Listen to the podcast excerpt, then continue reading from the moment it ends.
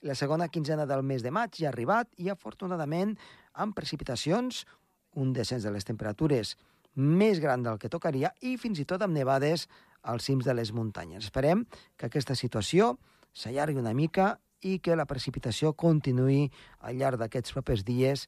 Fa falta aigua, però a poc a poc ho anirem solucionant. Comença el torn.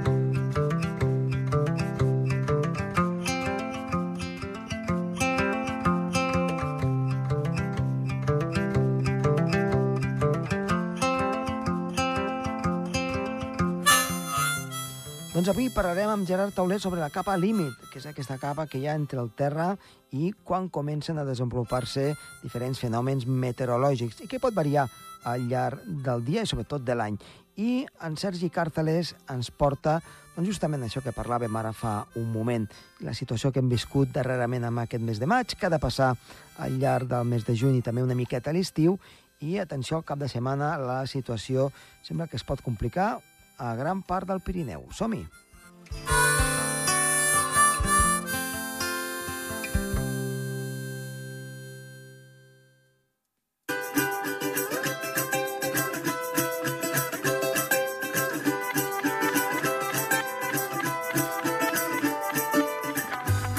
Comencem el programa i ho fem amb de la mà de Gerard Tauler. Gerard, molt bona tarda. Bona tarda, Josep Tomàs. Doncs bé, avui ens portes un apunt meteorològic que crec que és força interessant. Eh, ens parlaràs del gradient tèrmic. Si el gradient tèrmic vertical eh, és el que determina doncs, si apareixen núvols, de, les temperatures que hi ha en superfície, eh, si plou, plou o plou més fort o no plou, hi ha Mhm. tempestes, si hi ha nevades, etc. I com, com funciona exactament? Doncs la, la temperatura baixa amb l'altura, perquè l'aire és, és, és men, menys dens a mesura que pugem. Uh -huh. I això fa justament Hi ha que... menys pressió i Sí. la temperatura doncs, és més baixa com més, als extrems. La temperatura baixa 0,65 graus cada 100 metres. Uh -huh. I això influeix en que baixi la temperatura eh, Sí. i disminueix la pressió i, per tant, aquesta molècula d'aire eh, es refreda, diguem-ne, no? Es refreda, deixa pujar i, i si, hi ha i, si la, el gradient és, és més important i l'aire és, és, és, és humit, doncs pot haver-hi inestabilitat i tempestes i pluges. Uh -huh. I ens parlaves també eh, abans, fora d'antena, de que doncs, eh, amb, amb aquest gran tèrmic també hi ha eh, una mica més amunt o més avall una capa límit. Què és això de la capa límit? La capa límit és la capa propera a la superfície, que, que, que la nit és al voltant de 100 metres d'espessor de, de, de, de, i al migdia arriba a un quilòmetre i mig. Uh -huh. I, i que provoca doncs, eh, això, variacions doncs, a, a, a la- l'atmosfera, a la, les condicions que hi ha, si hi ha boira o hi ha, hi ha tempesta. Normalment el gradient tèrmic és més elevat a, a, a la capa límit al, al migdia. Uh -huh. I això, la, la influència, o sigui, el, el, aquesta variació és deguda a, a la radiació solar només La o... radiació solar, sí, sí. I també varia segons l'època de l'any, si és estiu o si és hivern? Sí, quan, quan el sol està més alt, Sí. el gradient tèrmic vertical és més alt que a l'hivern, que el gradient és més baix, hi ha més inversió tèrmica i es, es formen les boires. Uh -huh. Per tant, a- aquesta capa límit doncs, va variant en funció de la temperatura i també de l'època de l'any, no? Sí. Doncs molt bé, Gerard, moltíssimes gràcies per aquest apunt. Vinga, que vagi bé. Adéu-siau. Vinga, adéu.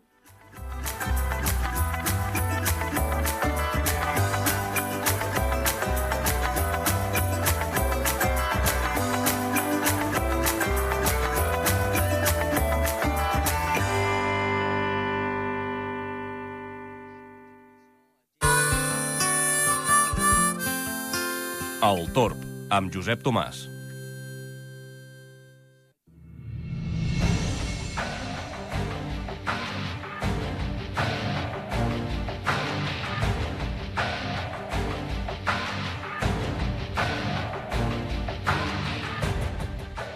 Avui tenim en Sergi Càrceles. Sergi, molt bona tarda i gràcies per tornar a estar aquí al programa Tor. Hola, bona tarda. Com ja sabeu, sempre un plaer estar aquí i parlar de fenòmens. Doncs sí, eh, fenòmens meteorològics que avui en tenim una colla. eh, sobretot pels darrers esdeveniments que hi han hagut i que, i que ens han transportat des de temperatures gairebé estiuenques. Jo tinc que dir, Sergi, que a finals d'abril vam arribar a 30 graus, ja ho vam comentar, a l'extrem sud del país, i, i vaja, doncs la gent ja tenia el xip canviat de que uh, doncs, ja havíem deixat enrere l'hivern i la primavera seria doncs, calorosa i, i amb potser poca precipitació. I ara, al mes de maig, doncs, uh, ha resultat que ha donat això un tom de, de 180 graus. I ara doncs, anem a parlar una miqueta doncs, d'aquesta doncs, situació. Què és el que ha anat passant? Doncs sí, eh, igual que ha la dita popular no, d'abril aigües mil, que representa que hauria de ser és mentida, això. molt plujós, és mentida. eh, doncs aquest abril aigües mil no, no, no, no, no va funcionar gaire, aquesta dita popular, però eh, el que sí que hem tingut és l'altra dita popular, almenys, que diu eh, al maig cada dia un raig, mm. en aquest cas. Sí, sí. I és que, bé, hi ha hagut aquestes tempestes, eh, sobretot en el Pirineu i Prepirineu, en què doncs, han deixat aquestes precipitacions que sobretot han afectat per les tardes i que, bé, també hem de dir la bona notícia, no?, que tant dèiem que els embassaments cada cop s'estaven buidant més, no és que els haguem omplert, ni molt menys, però almenys hem parat de sec aquesta, aquesta baixada, sequera. no? Uh -huh. Sí, aquesta baixada de, Clar. de les quantitats d'aigua, però clar, clar evidentment encara, encara segueix eh, estant als rius i els embassaments bastant secs. No sé, tu com hauràs vist, per exemple, el riu Valira, com, com el veus aquests dies? Mira, Ara, ja estan més animats? Eh, està, està bastant més animat perquè amb la situació de nord doncs, que, que s'ha anat donant i sobretot també hem tingut algun caltexàfec i tempesta, eh, no tan intens com, com a la zona del Prepirineu, que ara ho parlarem, eh, però sí que doncs, ha anat acumulat litres per metre quadrat i també darrerament, i també crec que és, és, és de menció no? de, de, de, de parlar-ne una miqueta, d'aquestes precipitacions en forma de neu que amb, amb la tonteria, doncs mira, eh, van acumulant molts centímetres, eh? Hi ha zones que hi han 20, 30 i fins i tot més de 30 centímetres als cims, per damunt de 2.500 metres. Eh, la situació, doncs, eh, és allò com aquell qui no vol, va precipitant potser eh, mig centímetre a l'hora, però portem ja cinc dies així, als cims de les muntanyes. I això és aigua que després doncs, uh, us anirem donant cap a baix, eh? I, te... I també... És veritat, eh? I també cap al nord, i també cap al nord, eh? Um, aquests dies doncs, nevava doncs, a cotes de 1.700, 1.800 metres, flocs de neu, i, com diem, a l'extrem nord, Arieja i tot el que és uh, l'extrem nord del país, doncs aquesta neu s'ha anat acumulant, i el que sí que no hem tingut de moment és la, la típica avinguda de, del riu Valira amb el, amb el desglàs. Ara sí que ha pujat de nivell, doncs amb aquestes precipitacions continuades, veurem aquesta neu quan es desglaci, si hi ha un, un desglàs, diguem-ne, una pujada del nivell secundari. Doncs, no, però el que tocaria, eh, tu ja ho saps, eh, el típic d'abril, sobretot del maig, Sí. eh, que, és, que és que fins i tot ja a vegades eh, hi plou, o sigui, com plou amb temperatures altes, a més s'afegeix doncs, aquest, aquest desglàs amb fins i tot a petites sortides de mare de, de, de la llera del riu, no? Eh, alguna petita inundació, eh, alguna vegada de la força mateixa que, que, que porta, eh? és una cosa doncs, habitual, eh, controlada però, però habitual.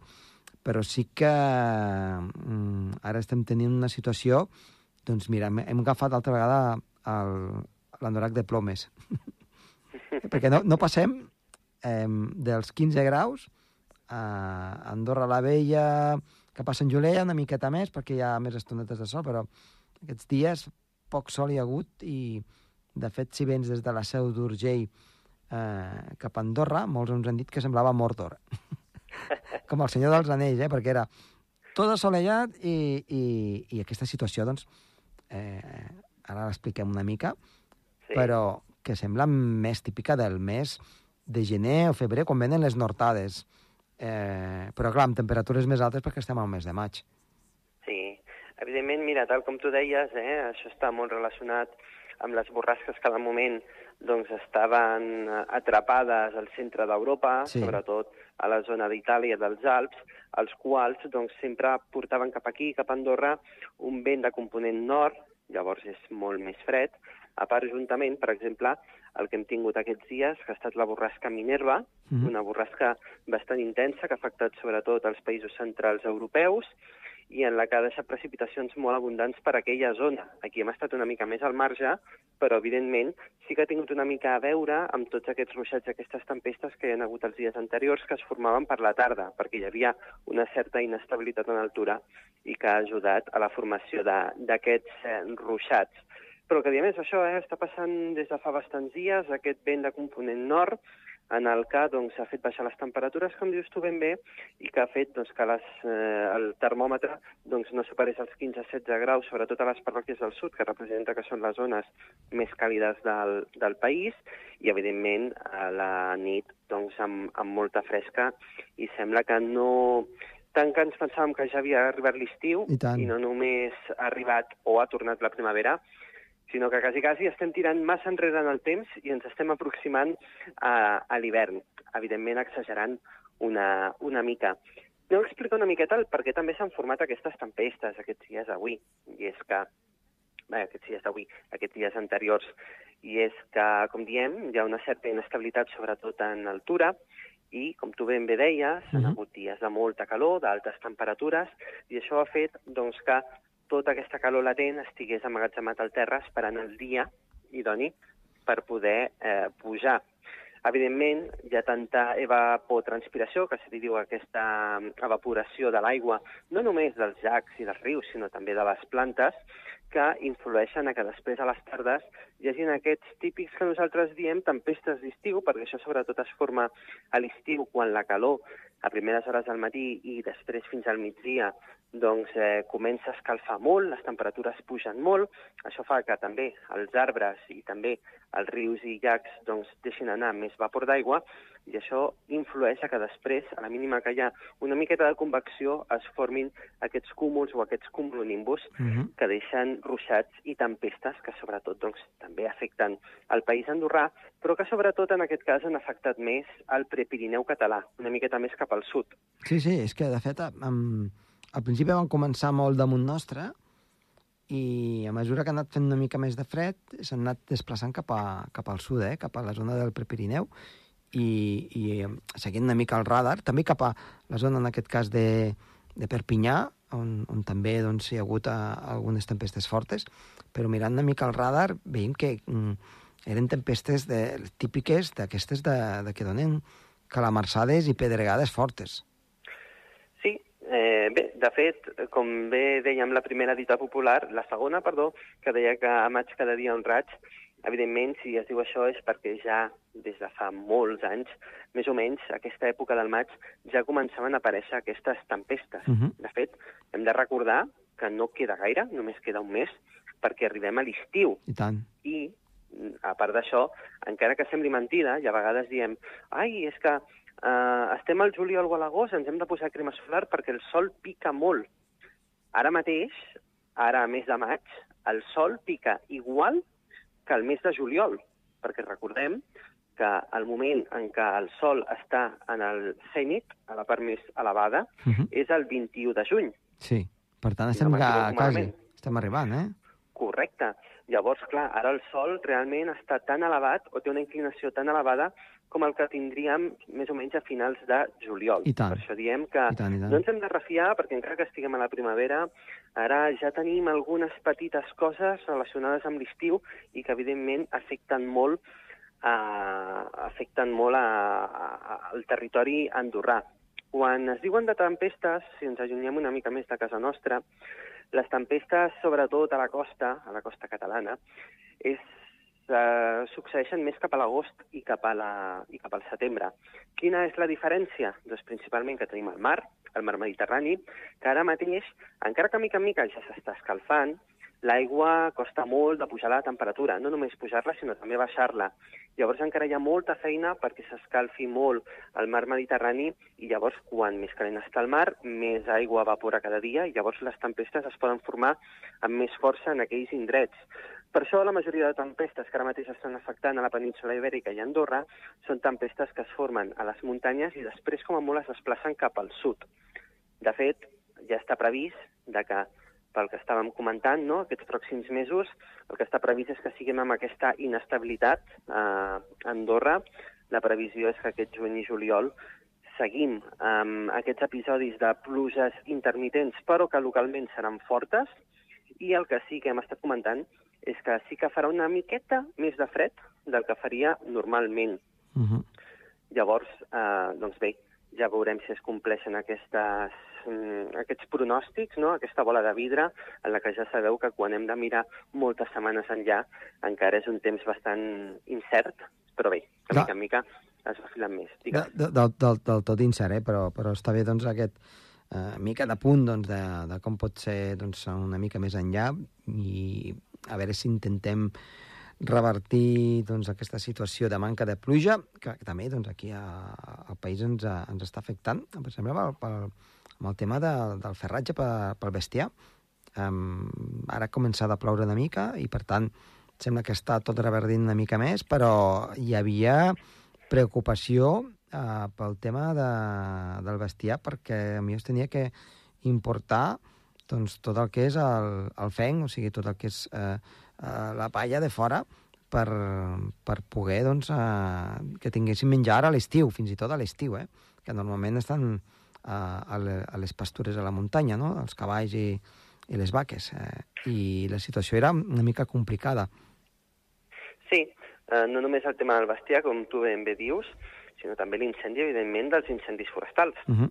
I és que ha hagut un dèficit hídric molt important, en el que els boscos estaven molt secs i a la mínima que hi hagués una petita espurna podia córrer el risc de que es generés algun incendi i a l'estat en seca la, la, la fulla doncs cremaria molt ràpidament i seria difícil de, de controlar. A part, hem de recordar que, bé, algunes d'aquestes eh, tardes que hem tingut, el vent també ha bufat amb certa força, Mhm. -huh. sobretot al pic de les muntanyes, i el foc més el vent, són, eh, entre ells es porten molt bé, però per la gent no, no fa gaire gràcia, perquè si, si el foc comença a desplaçar-se molt ràpidament és difícil controlar-lo. Per sort, si m'equivoco m'ho dius, però no hem tingut aquests incidents al llarg d'aquesta petita sequera a Andorra. Crec que no hi ha hagut No. incendis forestals. No, no. eh, No hi ha hagut cap, si hi ha hagut ha estat cap molt, cosa. molt poc destacables, Mhm. correcte? Llavors, bé, doncs eh, podem celebrar, no? Almenys que ha hagut molta sequera, però una, la gent ha estat civilitzada, ha cuidat els boscos i ha, ha evitat que hi hagués algun ensurt, i evidentment no sempre els incendis els genera l'home, sinó també la natura, poden haver llamps que poden, poden generar incendis, Sí, però de bé, fet, podem...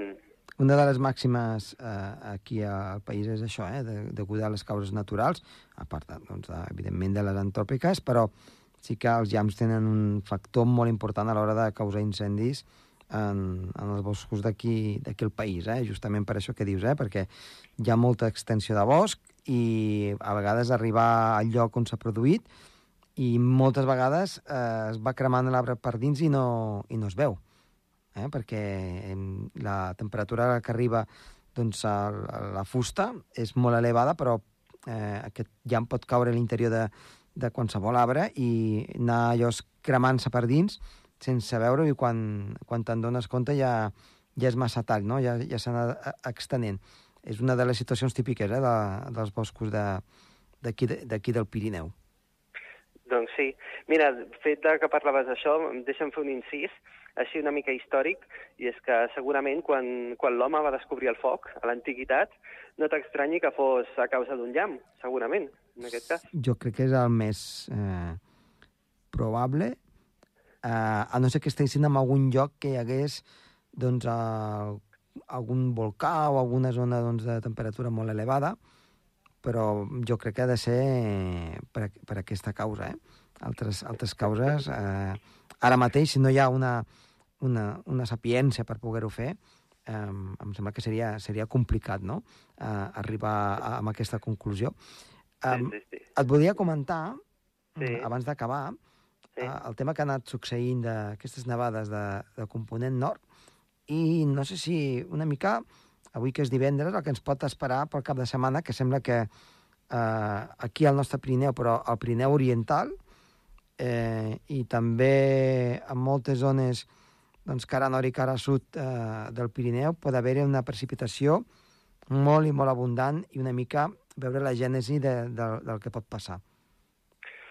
Doncs bé, és el que estaves tu comentant amb el tema de la neu. Eh, doncs eh, hem tingut aquestes nevades aquests dies a cotes elevades, però que almenys han deixat un, un petit episodi o un petit eh, magatzem d'aigua en forma sòlida, Sí. que ja anirà bé això cap a, bé, clar. cap, cap, cap a les reserves d'aigua. Això és degut a que, doncs, com dèiem, aquest eh, vent de component nord ha fet que l'ambient sigui una miqueta fresc i que la cota de neu no fos massa elevada com perquè almenys precipités en forma de neu Mhm. a, als pics de les muntanyes. Què esperem aquest cap de setmana? Doncs bé, tindrem bastanta inestabilitat, eh, sobretot al Pirineu Oriental, com tu bé deies, també eh, més tirant cap a les comarques gironines de Catalunya, també a la cara nord de, dels Pirineus, però per l'efecte doncs, aquesta- d'aquestes borrasques no?, que estan afectant sobretot a Andorra, ai, Andorra, perdó, a, a França, i que, doncs, de moment, eh, deixen encara precipitacions abundants amb una baixada de temperatures també bastant acusada. Mhm. En el cas de les comarques gironines, doncs tornem a aquest mateix episodi no? de tempestes que es generen a la tarda. Eh, sí que és veritat que aquests eh, ruixats poden fins i tot créixer una mica abans perquè hi haurà més inestabilitat i bé, ja veurem com va evolucionant. Però aquí a Andorra estarem en principi una miqueta més tranquils, Mhm. que tindrem un ambient una mica ennuvolat, podria haver algun ruixat dispers, però bé, això ja ho avançarem en un futur Sí. i ja veurem Ja, com jo- evolucionen les coses. Jo bàsicament parlava perquè doncs, eh, la situació eh, semblava que es formés una borrasca a la Mediterrània, podia donar molta precipitació, tot el que és eh, Perpinyà, zona de Girona, i després baixant una mica més cap al sud, amb, amb la formació d'una borrasca, no? És evidentment el que dius, eh? que aquestes borrasques a casa nostra ja ens, no, ens, no ens toquen tant, però he vist mm, eh, acumulacions al Pirineu Oriental de més de 100 litres.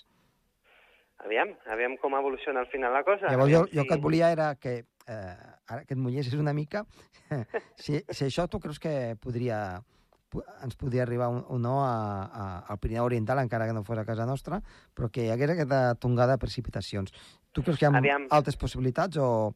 Em, em, em mullaré una mica. Sí que és veritat que aquestes zones, eh, normalment quan plou, eh, plou amb bastanta força, sobretot la zona del Ripollès, la Garrotxa, Mm. el que també s'anomenaria la Catalunya humida, Sí. eh, doncs són zones on, on plou amb intensitat i jo crec, mira, 100 litres, mm, no te diré 100 litres, però potser uns 80 litres sí que podria arribar a caure, que al final és una quantitat més que abundant, parlant de precipitacions d'un o dos dies, així que Sí, sí. ja veurem aviam com, com va tot. També depèn si al final les precipitacions seran de diverses hores i continuades o serà més en forma de tempestes que llavors sí que poden generar alguns eh, Alguns inconvenients. problemes, no? Mira, nosaltres ens quedarem amb la meitat, potser, que també anirà molt bé. Uh. Sergi, moltíssimes gràcies i t'esperem una propera vegada. Que vagi bé. Adéu-siau.